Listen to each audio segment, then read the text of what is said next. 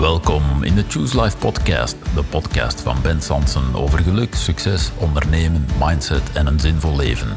Mijn gasten en ik brengen je inspiratie voor de volgende stap in jouw persoonlijke groei.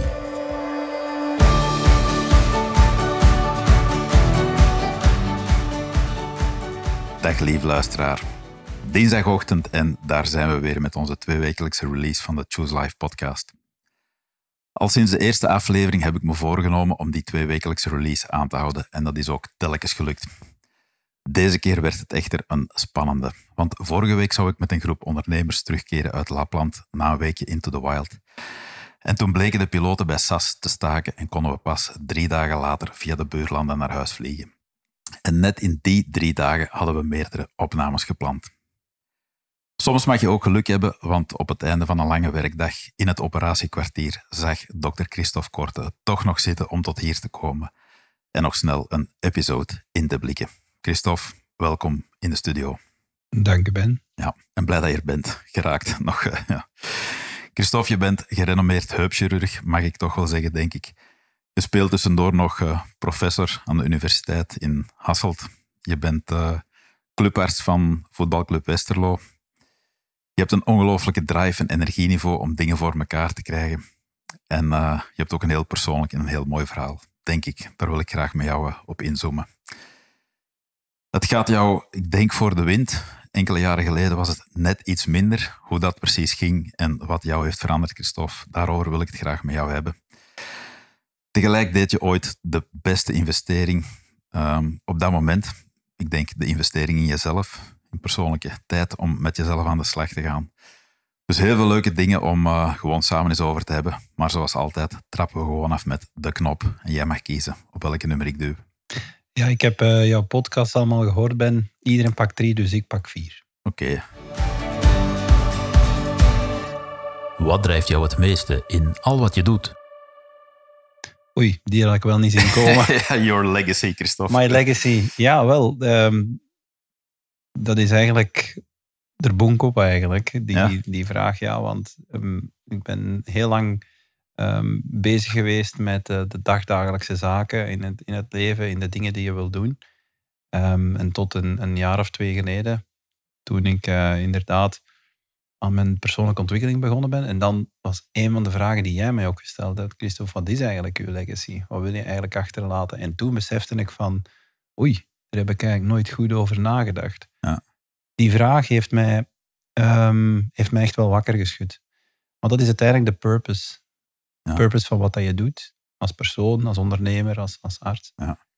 En um, ja, mijn legacy gaat eigenlijk, um, begint eigenlijk met iets achter te laten.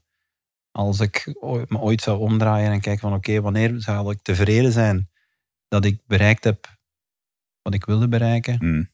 En dat is eigenlijk een totale andere gezondheidsbeleving installeren dan degene die we vandaag voor ogen hebben. Ja. En die we vandaag beleven. Ja. Ik geloof heel sterk dat we, dat we daar echt wel stenen in de rivier moeten verleggen. Mm. Om op lange termijn um, de gezondheidsbeleving van de patiënt eigenlijk te, ja, echt wel te veranderen. Ja. Dat was eigenlijk echt hetgeen, of dat is echt hetgeen dat ik zou willen doen in mijn vakgebied, in de heupchirurgie en de orthopedie. En um, ja, dat geeft mij elke dag opnieuw um, veel energie. Ja, ja. en je, hey, je hebt ook veel energie, hè? had ik net bij de intro al gezegd. Ja. Um, misschien voor de luisteraar die zich daar niets kan bij voorstellen, maar hoe ziet de gemiddelde werkweek van een heupchirurg eruit? Ah ja, de gemiddelde werkweek, wel, um, ja, we, we doen twee, twee tot drie dagen consultatie, twee tot drie dagen operaties. En um, dan zijn we om de zoveel tijd zijn we van wacht. Ja, en dat is het dan basically. Ja. Maar dat is um, iets wat mij enorm veel plezier doet, van men, met mensen te praten, mensen te kunnen helpen. Maar om de echte energie, die haal ik toch wel eigenlijk uit al mijn andere projecten die ik daar rond um, geïnstalleerd heb. Ja. En die projecten maken het juist mogelijk om de kern van wie ik ben als arts te verbeteren. Ja. Daar haal ik de meeste energie uit. Ja, misschien moeten we daar straks ook op inzoomen, mm -hmm. want ik ben meteen nieuwsgierig naar al die projecten. Um, En de luisteraar wellicht ook. Ik ken er wel een aantal van, uh, van jou, denk ik. Um, maar laten we misschien even teruggaan naar het begin, want ik had het net over een transformatie. We leerden elkaar ooit kennen, um, ik denk drie of vier jaar geleden. En als ik me goed herinner, had je al langer mijn businesskaartje van een collega-arts uh, ergens op zak. Met de suggestie, die zou je eens moeten bellen, maar zoals dat gaat met drukke agenda's, dat gebeurt dan niet. Tot je op een bepaald moment in een crisis terechtkwam, er liep iets mis in je associatie Mhm. en je werd bijna gedwongen om dan toch maar de telefoon te nemen. Hè. Ja, absoluut. Ja, kan je daar iets over vertellen, zo, uh, hoe Ja. het toen was en dan straks ook hoe het nu is? Ja, eigenlijk wel inderdaad mooi. Ik was eigenlijk al vergeten dat ik al vier, vier vijf jaar geleden gehoord had van een collega van kijk, eh, Christophe, jij moet toch echt eens met hem Ben gaan praten. Want er is een mismatch tussen wat dat jij doet en wat uw omgeving soms ervaart wat Mm. je doet. Eh, maar goed, ja, je gaat dan vooruit en Ja. de trein gaat vooruit. En ehm, dan kwamen we met mijn groep. Ehm, hebben we een, de groep is op een heel korte tijd echt wel enorm gegroeid. Met de groep bedoel je allemaal andere artsen? ja, mijn groep, mijn associatie, mijn collega's met wie ik elke dag samenwerk, super fijne collega's. Hm. En die groep is dan ergens in ehm, de voorbije jaren in een stroomversnelling gekomen, waardoor er heel veel verschillende nieuwe profielen bij kwamen. En, en dat was ook een, en dat is nog altijd een, een fantastische groep, maar natuurlijk nieuwe profielen erbij, exponentiële groei. En dan moet de organisatie ergens ook meegroeien. Hm. En dat was niet altijd evident. En met als gevolg dat er wel met momenten eh, minder gemakkelijke communicaties waren in de groep. Tot op het punt dat ehm, er zonder echt te veel in detail te gaan, dat er eigenlijk echt wel iets moest gebeuren. Hm. En dan was ik een beetje de protagonist geweest die gezegd heeft van mannen, ehm, het moet hier anders. We moeten op een andere manier toch met elkaar samenwerken. En ehm, ja, dan van het een is het ander gekomen. En dan is het zelfs zo ver gegaan dat wij op een gegeven moment iemand hebben moeten inroepen om die gesprekken tussen de collega's eh, gaande te houden. Ja. In het fundament is er nooit een, een persoonlijk probleem geweest met collega's, Mhm. maar was het wel zo van, ehm, jongens, we moeten een onderneming worden, een organisatie worden, in de plaats van een groep artsen die samenwerken, Ja. omdat we op tal van gebieden ja, toch wel moeten veranderen. Ja. En verandering in, is voor vele mensen dikwijls moeilijk. Men heeft heel veel angst om iets te verliezen. En iemand met mijn persoonlijkheid, die kijkt juist met een open vizier naar verandering. En dan voel je al snel dat spanningsveld. Ja, maar Ja. ik wil veranderen, maar wij willen niet veranderen. Ja. En je krijgt een, een wij-zij verhaal. En ehm, goed, dan was er iemand bijgekomen om die gesprekken terug op gang te trekken. En in het midden van die, ehm, van die situatie, van die moeilijke periode, werd ik op mijn verjaardag überhaupt ehm, gebeld. Eh, Christophe, je zou toch eens moeten komen. Ja, maar kijk, eh, ik ga met mijn vrouw iets lekker eten. Ja. Ja, maar het is toch wel echt belangrijk dat je komt. Ja. Goed, up, au- auto in, ik naar die persoon. En eh, ze zei, ja, Christophe, kijk, je zei absoluut het probleem niet, maar je hebt wel een probleem. Ja. Zeg, ah, oké, ik heb een probleem. Ja. ja, uw collega's begrijpen u niet. Dus jij dacht dat je heel vakbekwaam van alles probeerde te communiceren. Ja. Maar jullie luisterden ook niet naar elkaar. Nee. Of anderen begrepen jou niet. Ik begreep hen ook niet wellicht, Ja. maar ik was me daar nooit van bewust. Ja. Wij als artsen, wij praten met elkaar en over wie praten wij? Over een patiënt die dit of dat of dat, die behandeling moet krijgen. Maar over fundamentele eh, verbinding maken met elkaar. Hmm. Fundamenteel denken over strategieën van de onderneming of van de organisatie en hoe gaan we dat, dat doen we eigenlijk niet. Ja. Dus we zijn er ook nooit voor opgeleid. Nee, precies. En, Ja, en, ja. en de bal loopt, loopt verder en, en nog een patiënt en nog, nog een wacht en, en iedereen doet maar verder en, en de organisatie groeit, maar de structuur groeit niet. En vooral, dat weet ik vandaag, wist ik toen niet, Hmm. begrepen elkaar niet. En ik ben die bemiddelaar nog altijd heel dankbaar dat ze mij op mijn verjaardag gebeld heeft en gezegd, Christophe, ze begrijpen u niet. Ja, ze heeft jou een mooi cadeau gedaan. Ja, een heel mooi Ja. cadeau. Ja. En mijn collega die dan uw kaartje had gegeven, twee jaar of drie jaar ervoor, die dat toen ook al begrepen had, want die Ja. werkt ook in mijn ziekenhuis, ehm, die had het al gevoeld. Maar die, eh, Ja. ja. ik was daar niet, niet vatbaar voor. Nee. Ik zeg, goed, ik heb een kaartje. en ik bel naar Ben. Het noodnummer, ja. Ja, Hoe, hoe- hoe zou je jezelf toen omschrijven? Wat voor, wat voor iemand? Je bent natuurlijk nog altijd die vakexpert, die heupchirurg, die eh, echt eh, hoge toppen scheert. Maar hoe was je toen als mens? Ehm, ik was als mens iemand ehm, die ehm, vooral ervan uitging dat iedereen dezelfde energie en dezelfde drang naar verandering en dezelfde drang naar onderneming en innovatie heeft als ik. Dat was toch logisch, dat is normaal. We eten allemaal, we drinken allemaal, dus we hebben dat ook. Ja, ik, ik, ik, herinner me trouwens dat je toen letterlijk zei, Ben, we zijn toch allemaal artsen, dus iedereen moet zo zijn. Ja. Je keek echt door je eigen bril en je ging ervan uit dat iedereen hetzelfde was. Hè? Ja, correct. Ja, de grap, Christophe, is, dat zie ik heel vaak terugkomen. Of het nu bij vrije beroepen is, evengoed in ondernemingen en bedrijven. Ja. Dat is de eigen frame of reference, de eigen kader dat je denkt, mijn waarheid is de waarheid. En, uh... Ja, ik, ik, moet, ik moet wel zeggen, ehm, ik, het, was, ja, de waarheid, het was niet zozeer dat we in, in discussies of in gesprekken, dat ik altijd wilde gelijk halen. Dat was het niet. Maar ik had ook nooit de intentie of de moeite willen doen om proberen te begrijpen wat de ander eigenlijk wilde zeggen. Ja. En dan stopte het. Dat was totaal verkeerd natuurlijk. je, praat tegen me, je praat tegen elkaar, maar niet met elkaar. Correct. Ja.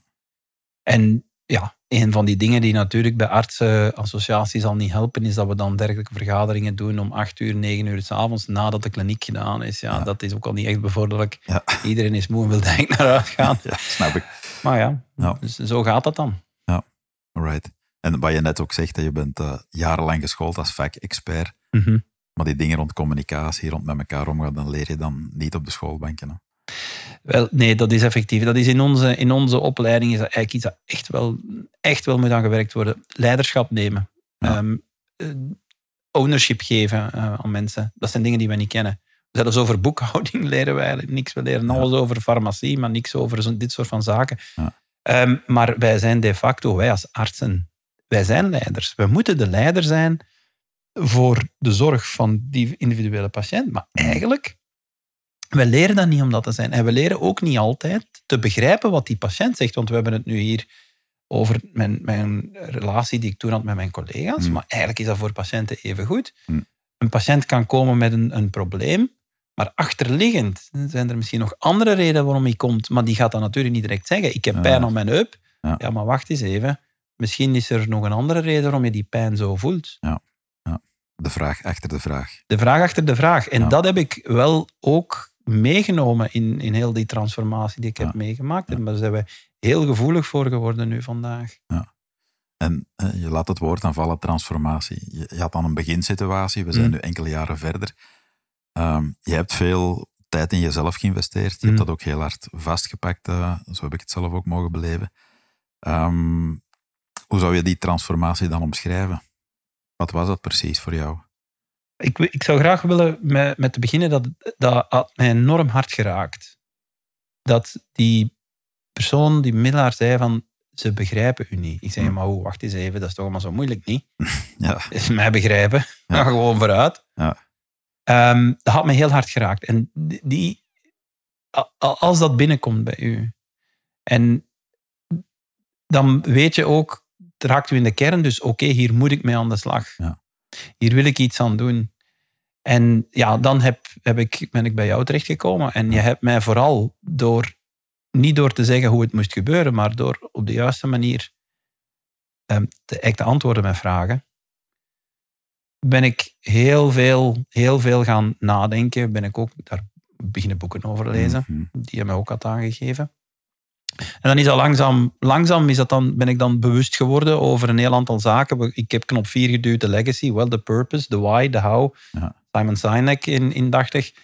Ben ik ook mee aan de slag gegaan. En dan langzaam maar zeker begint dat zo door te sijpelen. En, maar, Christophe, mag ik nog even helemaal terug naar dat begin? Het moment dat je op je verjaardag letterlijk dat cadeau krijgt. Ja. Uh, het raakt jou. Veel mensen zouden het interpreteren als een behoorlijke commentaar of afbreuk op performance. En had je ook zoiets van, uh, om het even op zijn campus te zeggen, ik ben in mijn gat gebeten of gekwetst? Of, uh... Ehm, nee. Nee. Echt niet. Dus op dat moment heb je letterlijk je ego aan de kant geschoven. Ja. ja mooi. Op dat moment is er echt iets voor mij opengegaan dat ik dacht van oei, um, de, um, ik, de, waarachtige, de waarachtigheid die ik denk altijd te hebben, die, die, die komt blijkbaar zo niet altijd over. Ja. Ik moet, oh, er klopt iets niet. Ja. Klopt ook iets niet in mijn beleving dat ik denk dat mensen van mij hebben. Mm -hmm. Ik ja. moet daar ja. aan gaan werken. zoals je nu vertelt, Christophe, ik denk dat dat moment, het op die manier interpreteren, de sleutel was tot de verandering. Hm. Al de rest was gewoon de rode loper eh, uitrollen, zeg maar. Op het moment dat je die commentaar krijgt, commentaar, ik noem het uh, misschien zelfs op de foute manier nu, dat cadeau krijgt, en zegt, ik kan hier iets mee. Heel veel mensen zouden op dat moment anders reageren. En misschien de middenvinger teruggeven of zo. eh. Ja, dat is misschien wel waar. Nu, pas op. Dat, dat, je, zou dat inderdaad interpreteren van de, de, ehm, als een verwijt. Hè, want eigenlijk, ja, ze begrijpen u niet. Ehm, ja, zo moeilijk is het toch niet. Eh, ik ben altijd echt. Dus dat is nonsens wat dat ze hier vertellen. Ja. Maar ik vond dat die bemiddelaar dat zo goed had aangevoeld. En misschien ook wel aangevoeld had dat dat bespreekbaar was. Ik weet het niet. Hmm. Ehm, maar inderdaad, als je zoiets binnenkrijgt, dan moet je, denk ik, als je dan daar open voor staat en misschien niet direct zegt van ehm, in, in, een schilp, in een schulp kruipen en, en, en dat, dat afschermen. Nee, gewoon zeggen, oké, oh, Hmm. hier moet ik even over nadenken. Ja. Wat gebeurt er hier nu? Ja, en eigenlijk druk je even op de pauzeknop om dan jezelf de vraag te stellen: oké, ik krijg feedback. De betekenis die ik eraan geef bepaalt vervolgens mijn werkelijkheid. Ja. Want dat is wat je gedaan hebt. hè. Je hebt er Hm. een andere betekenis aan gegeven dan wat sommige andere mensen zouden doen. En daar Ja. zit net de sleutel. Maar ik denk wel, Ben, wat heel belangrijk is, dat je dan op dat moment vooral niet op jezelf terugplooit. En Hm. dat je hulp vraagt aan iemand die dat van op een andere manier mee kan begeleiden, dat proces. Mhm. Dat was volgens mij ook, want ik had, u, ik had jou dan gecontacteerd en al heel snel had je begrepen van, oh, hier moeten we schakelen. En dan heb je mij direct als gids echt geholpen in dat proces, waardoor ik stappen vooruit kon zetten. Ja. Had dat misschien niet gebeurd, dan had ik misschien vroeg of laat wel die negatieve reflex gehad van, het is allemaal niet waar en ik kruip in mijn Mhm. schelp. Ja. Dat vind ik, vond ik wel heel belangrijk. Eh, leuk dat je het zo zegt. Eh, en je had het net al over hè, dan, eh, concrete dingen en boeken. En hoe ervaar je dan zelf het proces dat erachter komt? Want je zegt dat zijpelt langzaam door. Ehm, Mhm. Dat gaat ook van theorie naar praktijk. Maar dat is iets dat je, vind ik, bij een academicus. Hè, dus voor mij gaat dat, alles gaat in algoritmes en stappen. Ja. Dat was dus niet het geval. Ja. Eh, en dat is ook. ehm, het, het projectplan klopte niet. het- nee, er was, nee, en het, nog straffer, er was geen projectplan. Ja. Dat was zoiets van: oké, laat dat nu maar komen. En eh, we gaan daarmee aan de slag. En we geven, en we, want we spraken dan elkaar om de vijf, zes weken, denk ik dat het was. Mhm. En ehm, dus dan wist ik wel, oei, ik ga nu terug met een band praten. Ja, dan moet ik toch wel nog eens een keer. Ondertussen in uw achterhoofd is dat, is dat bezig. Hè? Dat, zit, Ja. dat zit achter u. En ja, de apotheose was dan uiteindelijk de, de, de Into the Wild. ehm, die, die week, ik heb daar naartoe gewerkt. Dat we naar Lapland gingen met jou en met een heel team. Ehm, een heel groep van ondernemers.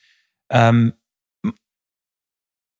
ik had Lapland nooit zo beleefd als ik niet op voorhand heel veel dingen al aan het verteren was. Ja. Lapland heeft mij geholpen met die overweldigende natuur, met de vragen die gesteld werden, met de openheid, de warmhartigheid en de kwetsbaarheid in die groep, van toch nog meer deuren open te zetten en toch nog meer te laten binnenkomen. Ja. En, maar ik was daar klaar voor. Ja, ja, en daar wil ik het graag met jou dadelijk nog even over hebben. Ehm, wat, ik trouwens heel leuk vond, je zegt net van dat zijpelde langzaam binnen. Mhm. Ik herinner me nog heel goed uit dat traject dat het bij jou fast forward mode ging. Ik moest altijd één versnelling hoger schakelen als ik eh, het gesprek met jou begon. Eh, en bijvoorbeeld, ik gaf jou dan drie boekentips. De meeste mensen geef ik een samenvatting van een boekentip of zo. Ik gaf jou letterlijk drie boekentips. En vijf weken later zei je, ik heb er vier gelezen. En die moet jij ook nog eens lezen. Ja, Dus ik kreeg ook van jou daar heel wat tips rond. Ehm, dus er verandert van alles. Hoe kijken jouw collega's vandaag naar jou dan? ehm, wel, Denk je? Denk ik, ja. eh, de- ik weet niet hoe, letterlijk hoe ze denken, Hmm. maar ik weet één ding wel. Dat ehm, ik heb mij onlangs op een, een, een afsluitende ehm, brainstormdag met mijn collega's, ehm, we doen dat elk jaar, heb ik mij eigenlijk heel kwetsbaar opgesteld. En heb ik met mijn collega's, de- trouwens, alles is, is, is nu top. We hebben, we de, alles is mooi geordend en eh, we gaan als groep enorm goed vooruit. En fantastische collega's. Maar ik heb de moed genomen, want ik was er eigenlijk toch wel heel, heel zenuwachtig voor ben, dat kan ik Mm. wel zeggen. Om alvorens van die brainstormdag begonnen met mijn collega's eigenlijk mijn verhaal even te delen. Vanuit kwetsbaarheid. Hè? Vanuit mijn kwetsbaarheid. En aan hun gezegd, kijk, ehm, we hebben een moeilijke periode samen gehad. En ja, ik weet dat ik een van de protagonisten was die die moeilijke periode heeft ingeleid. Ehm, maar ik zou graag met jullie mijn verhaal willen delen, omdat ik begrepen heb dat jullie mij niet begrepen. En dat heeft mij enorm aangesproken. En ik ben daarmee aan de slag gegaan. En ik moet u zeggen, Ben, dat is een van de meest verhelderende en ehm, warme momenten geweest in mijn professionele carrière tot nu toe. Ja. Dat mijn collega's tien minuutjes naar mijn verhaal gehoord hebben, geluisterd hebben, mijn kwetsbaarheid ontvangen hebben en eigenlijk alleen maar met enorm veel warmte daarop gereageerd hebben, waardoor dat we echt heel goed voelden, dit was het moment dat de groep toch nog eigenlijk moest hebben om een moeilijkere periode af te sluiten. Ja. En om nu fast forward samen vooruit te gaan. En ik heb hun ook ehm, uitgelegd dat mij dat geraakt had. En dat ik ook niet kan verwachten dat iedereen op dezelfde snelheid en hetzelfde tempo wil gaan en evenveel verandering wil als ik dat Mhm. wil. Ja. En dat ik dat begrijp.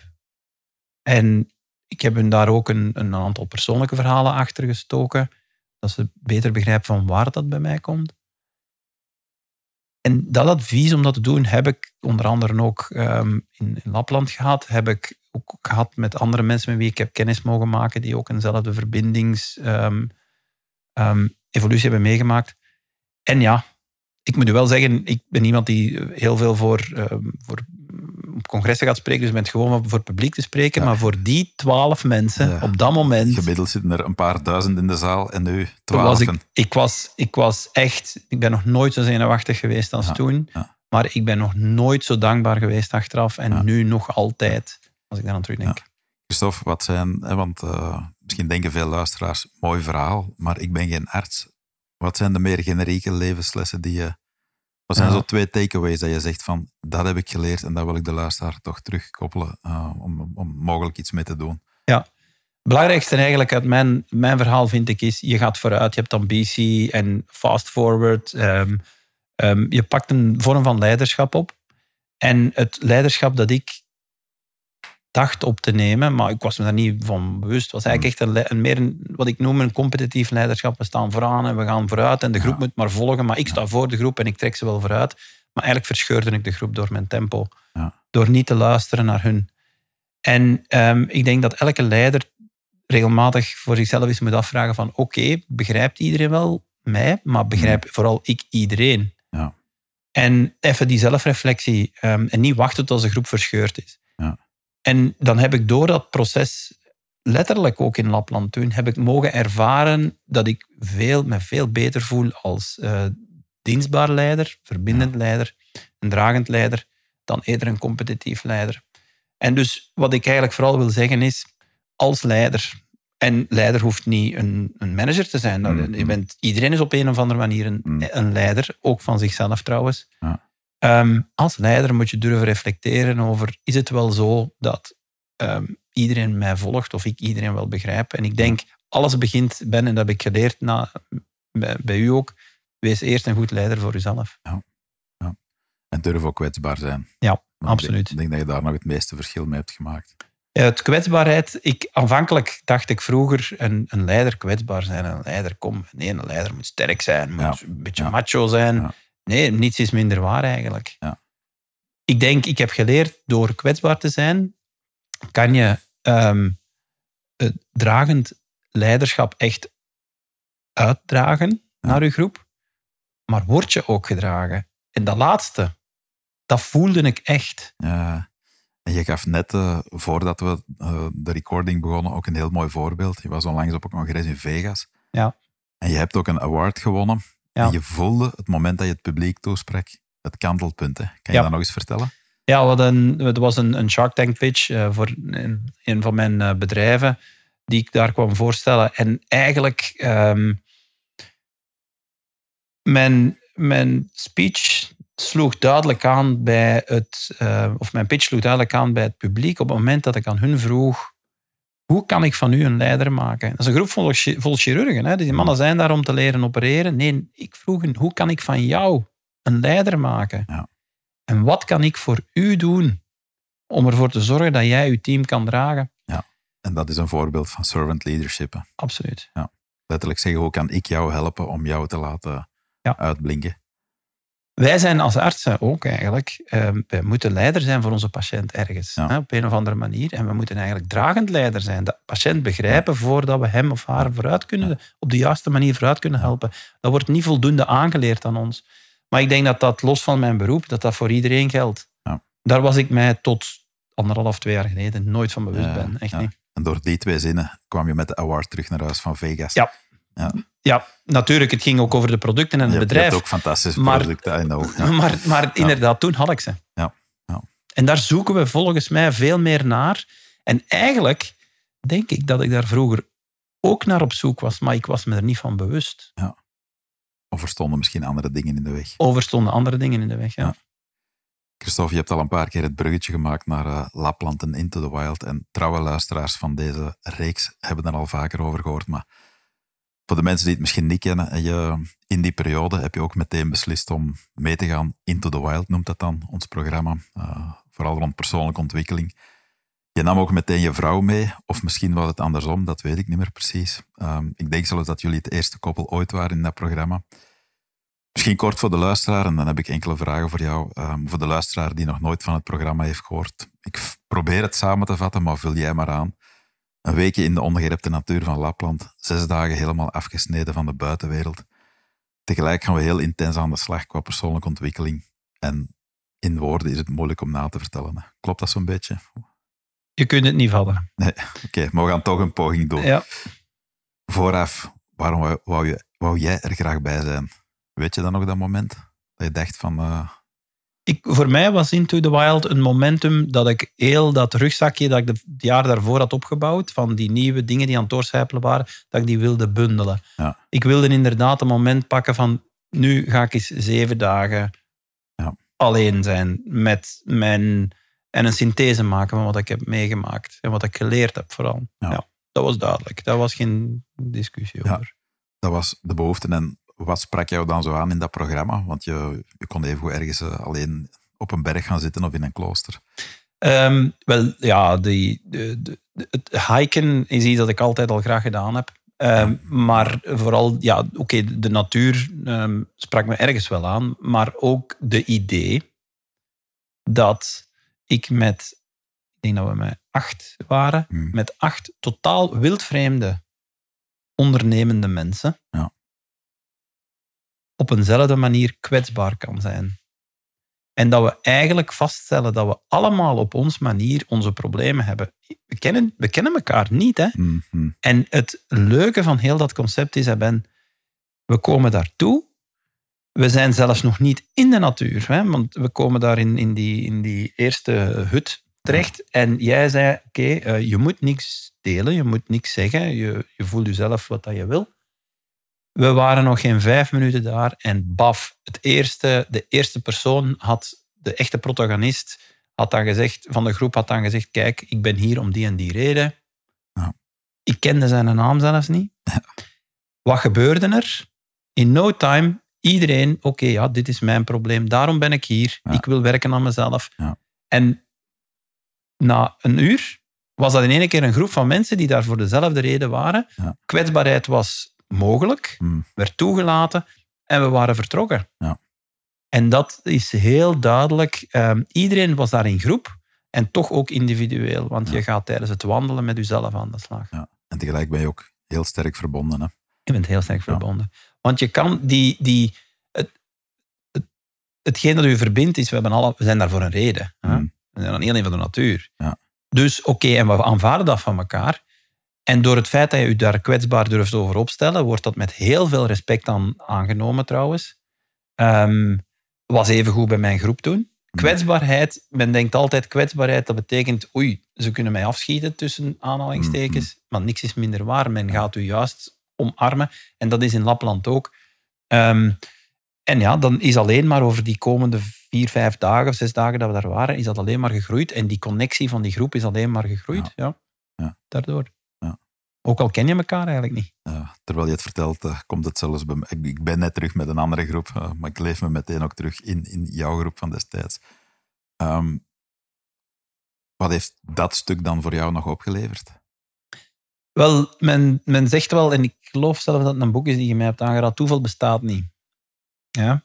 Ik heb daar in Lapland dingen meegemaakt die mij mijn ogen hebben doen opengaan. Dat verhaal van dat competitief leiderschap versus servant leadership. We hadden het op dag twee. Christophe liep vooraan, iedereen moest maar volgen. De groep was letterlijk verscheurd. Ja. Jij zei toen nog, Christophe, we hebben een probleem. Ja. We kunnen niet vooruit, want de mensen kunnen niet volgen. Ja. Hebben, hebben we voorgesteld, oké, goed, Christophe gaat achterlaan lo- lopen, draagt de groep, draagt de rugzak van de persoon die niet meer kon volgen. En dat gaf mij zoveel warmte. En toen wist ik, dit is wat ik eigenlijk wil. Ja. En ehm, er was nog iemand mee die letterlijk, die moest de sprong maken om, om, om, om eh, zelfstandige te worden. Ze wist het niet goed. Ze durfde de rivier letterlijk niet over. Ze was mijn buddy, want we krijgen een buddy. Hmm. En ik had de taak van haar toen mee over de rivier te trekken. En ik hoor Ja. van haar achteraf, dat was een momentum, zei ze voor Ja. mij. Ik ben toen de rivier overgekomen. Ja. En ze is ook zelfstandige geworden. Ja, precies. En het moment dat je voorop liep, herinner ik me zelfs nog, want ik zat achteraan letterlijk met iemand een beetje in de problemen. En dat was de enige keer ooit, denk dat ik me even druk had gemaakt. Ik ben echt niet snel boos en toen dacht ik van, fuck, dit is niet oké.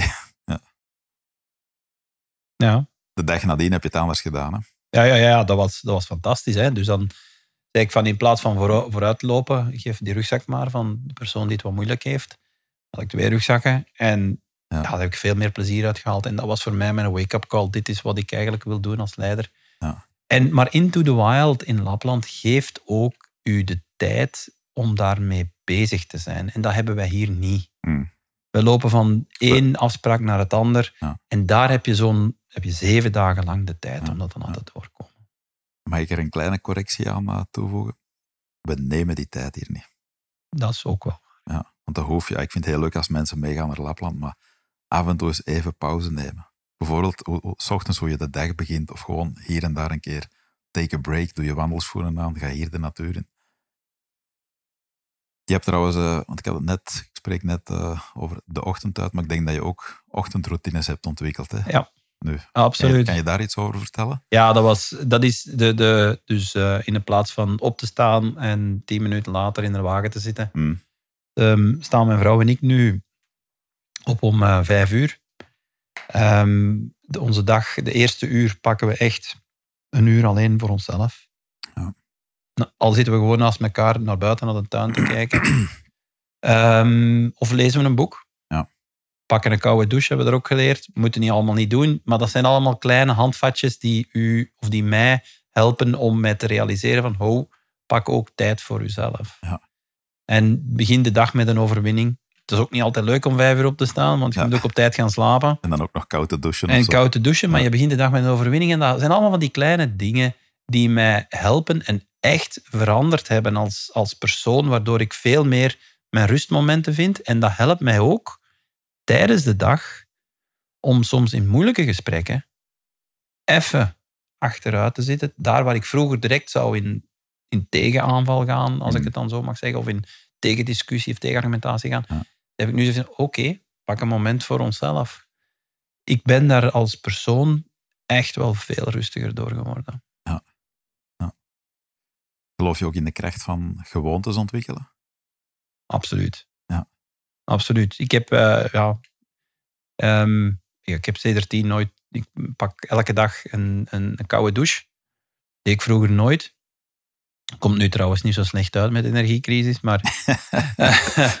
Ehm, maar alle kijk op een stokje. Nee, het zijn die gewoonten. Je doet die, ehm, die, ene, die fameuze 21 dagen en dan is het zo gezegd een gewoonte. En Ja. ik kan dat wel beamen dat dat zo is. Ik, ik, ik wil gewoon even morgens dat koud water over mij voelen, drie, vier minuten en paf, ik ben wakker. Ja. Dat geeft u, dat zijn eigenlijk handvatjes, hè, Ben. Ja. Dat hoeft van mij geen koude douche te zijn, maar die handvaatjes die had ik vroeger niet. Nee. Dat is En- belangrijk. Ehm, misschien wel grappig, Christophe, want net voor we de opname starten, zei je ook van ik ben de laatste vijf, zes weken toch weer een beetje uit de bocht aan het gaan. Ja. was dan het moment dat je dat door hebt, één. En twee, wat doe je daar dan aan? Mhm.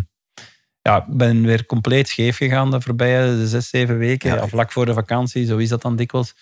Ehm, ik heb niet voldoende mijn tijd gepakt. En daardoor voel je ook, voel ik echt, dat je innerlijke, je wilt die drive van terug weer vooruit te gaan en, en niet voldoende tijd neemt. Dat, dat, neemt dat, neemt precies de persoon mij, mij terug over. Maar Hmm. Ehm, ik besef dat. En ik wil nu in de vakantie, wil ik daar terug even naar terugkijken. Want waarom is dit gebeurd? Ja. Waar heb ik eigenlijk mijn belofte die ik een jaar geleden gemaakt heb, waarom heb ik die niet nagekomen? Welke belofte was het? Dat ik tijd voor mezelf ging pakken. Ja. En dat heb ik de voorbije zes, zeven, acht weken weer niet gedaan. En had je destijds ook niet concreter gemaakt dan gewoon tijd? Had je niet echt gezegd van elke dag één uur of zo, zoals je Ja. net zei? Ja. Ja, maar dat doe ik dan. En, maar plotseling ehm, valt dat, glipt dat door je vingers weg. Hm. Maar belangrijk voor mij is, oké, goed, ik besef dat nu.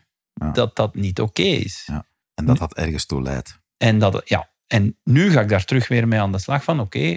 En, en ik heb dankzij hetgeen dat ik heb mogen beleven, heb ik ook opnieuw die handvaten. Ik weet waar dat ik naar terug kan kijken om de zaken terug te ordenen. Hm. Ik ben even in de plaats van de luisteraar aan het denken, want ik ken natuurlijk veel van die handvaten. Maar noem er zo eens twee of drie waarvan een luisteraar zegt, ja, die eh, kan ik ook wel gebruiken. Wat doe je dan heel concreet? Of waar grijp je naar terug? Wel, voor mij zijn de, de, de- het begin en het einde van de dag. Hè. Eh, dus dat eerste uur voor mezelf, voor mijn vrouw, praten. Dat is trouwens zalig. Kinderen slapen nog, je zit een uurtje samen. Ehm, even gewoon zen, kalm. Dag begint fantastisch. Je begint op een heel andere manier aan die dag. En dat is echt de moeite om daarvoor vroeger op te staan. Ja. Maar op het einde van de dag, wij praten vroeger eh, heel veel over het werk nog. Je vrouw is ook arts. Mijn, mijn vrouw is ook arts. En we hebben dan afgesproken, kijk, na eh, zes uur of zeven uur s'avonds, als we het samen thuis zijn, wordt er niet meer over het werk gepraat. We sturen geen mails meer. Hm. Als we een mail opstellen, sturen we hem pas morgens. We doen dat niet meer. Ja. We pakken ook onze voorbereiding voor onze slaap. Een van uw mooie podcasts bij, van een collega neuroloog die slaapexperte is, die geeft dat ook aan. Pak Hm. u twee, drie uur voordat je gaat ja, slapen. precies. Wij deden dat ook. Ja. En effectief, ik werd daardoor echt ook rustiger. Dus ik kan ook echt wel beamen dat dat goed is. Ja. Maar ja, voorbij zes weken is het weer weg. Vraag is nu, en dat vind ik nu de uitdaging voor mezelf. Waarom was dat? Ja. Wat leer ik daaruit? En hoe komt het dat ik dat heb de hele tijd kunnen vermijden?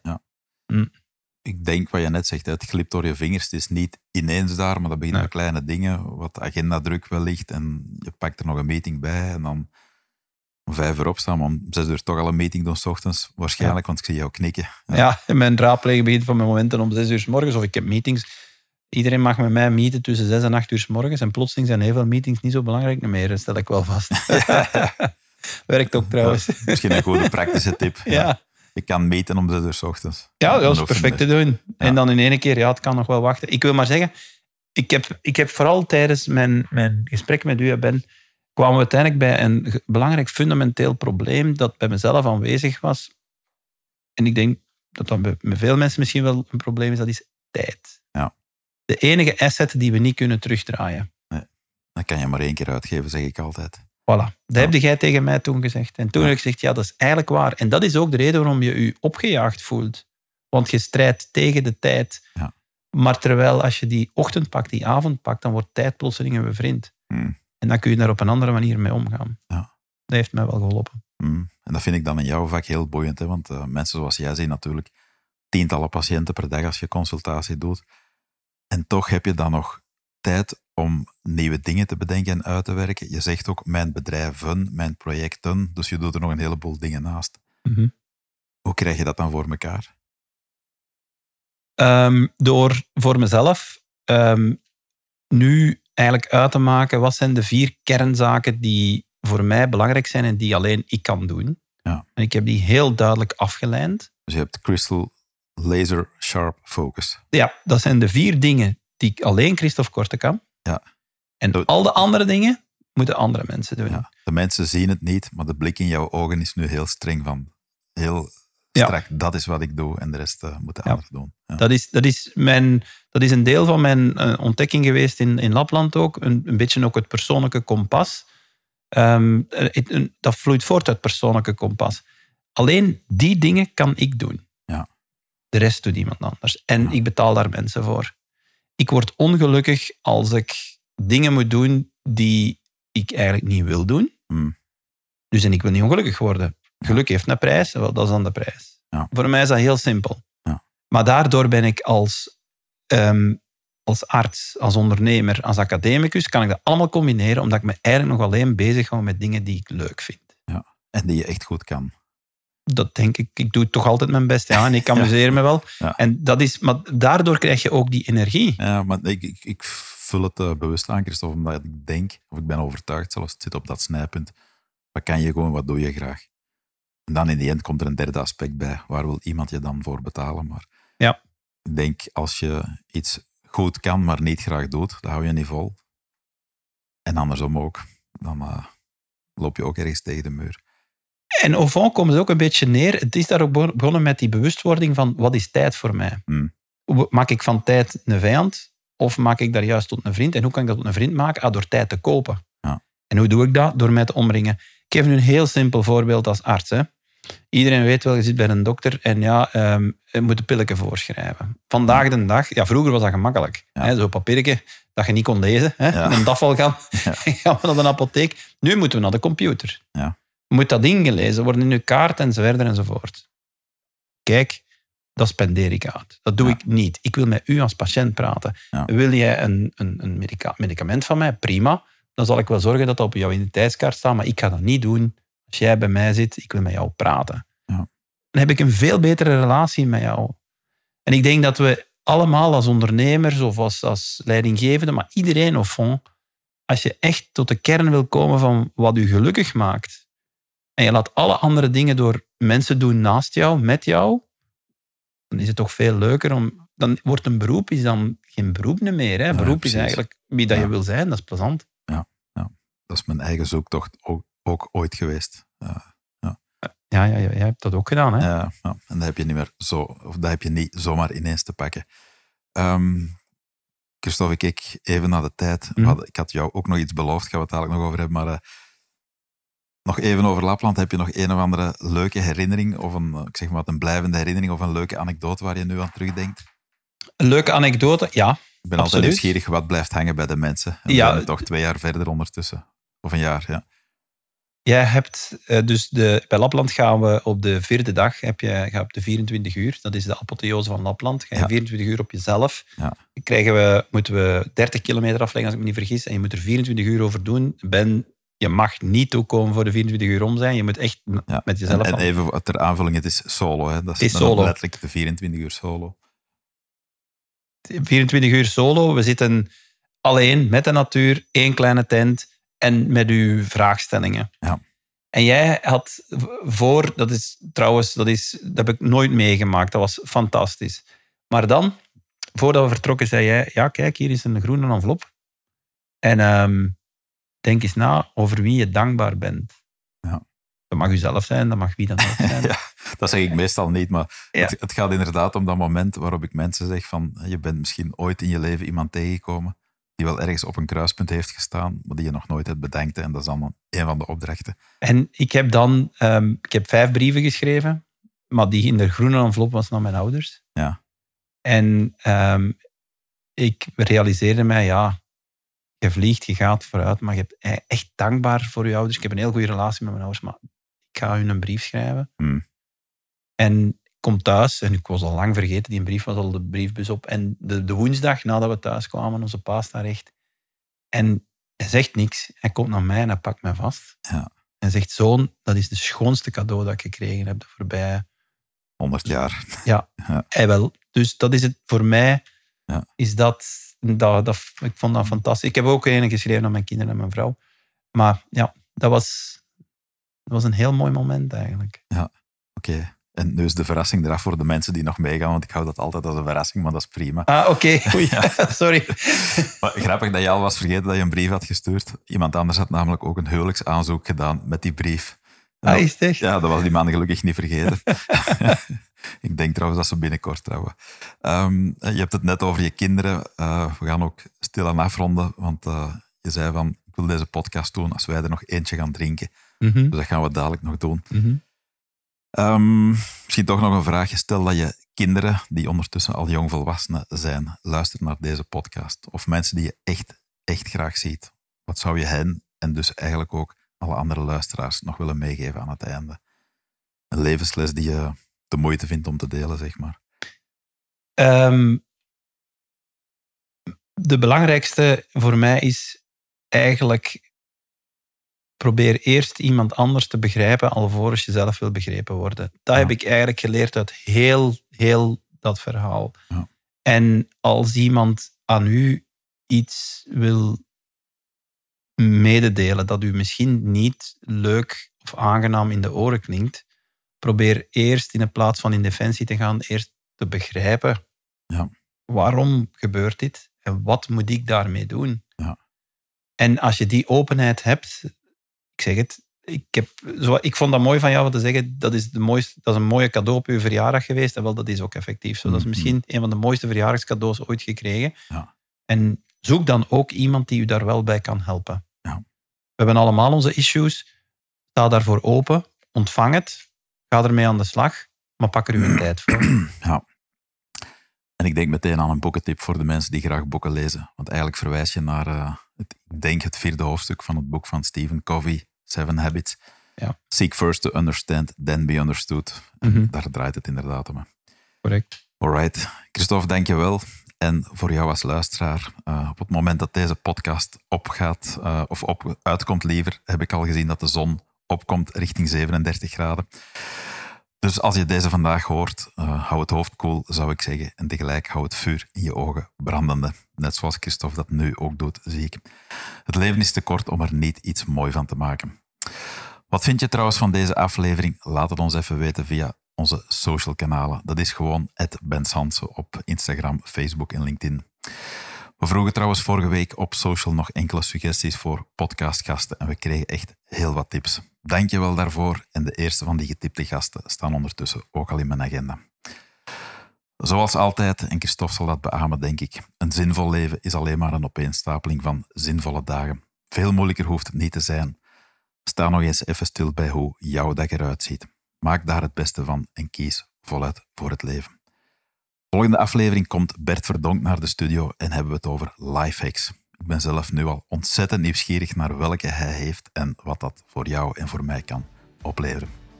Christophe, blij dat je er was. Leuk dat we dadelijk nog eentje gaan drinken. En ook aan jou, lieve luisteraar. Dank je wel en zoals altijd, choose life.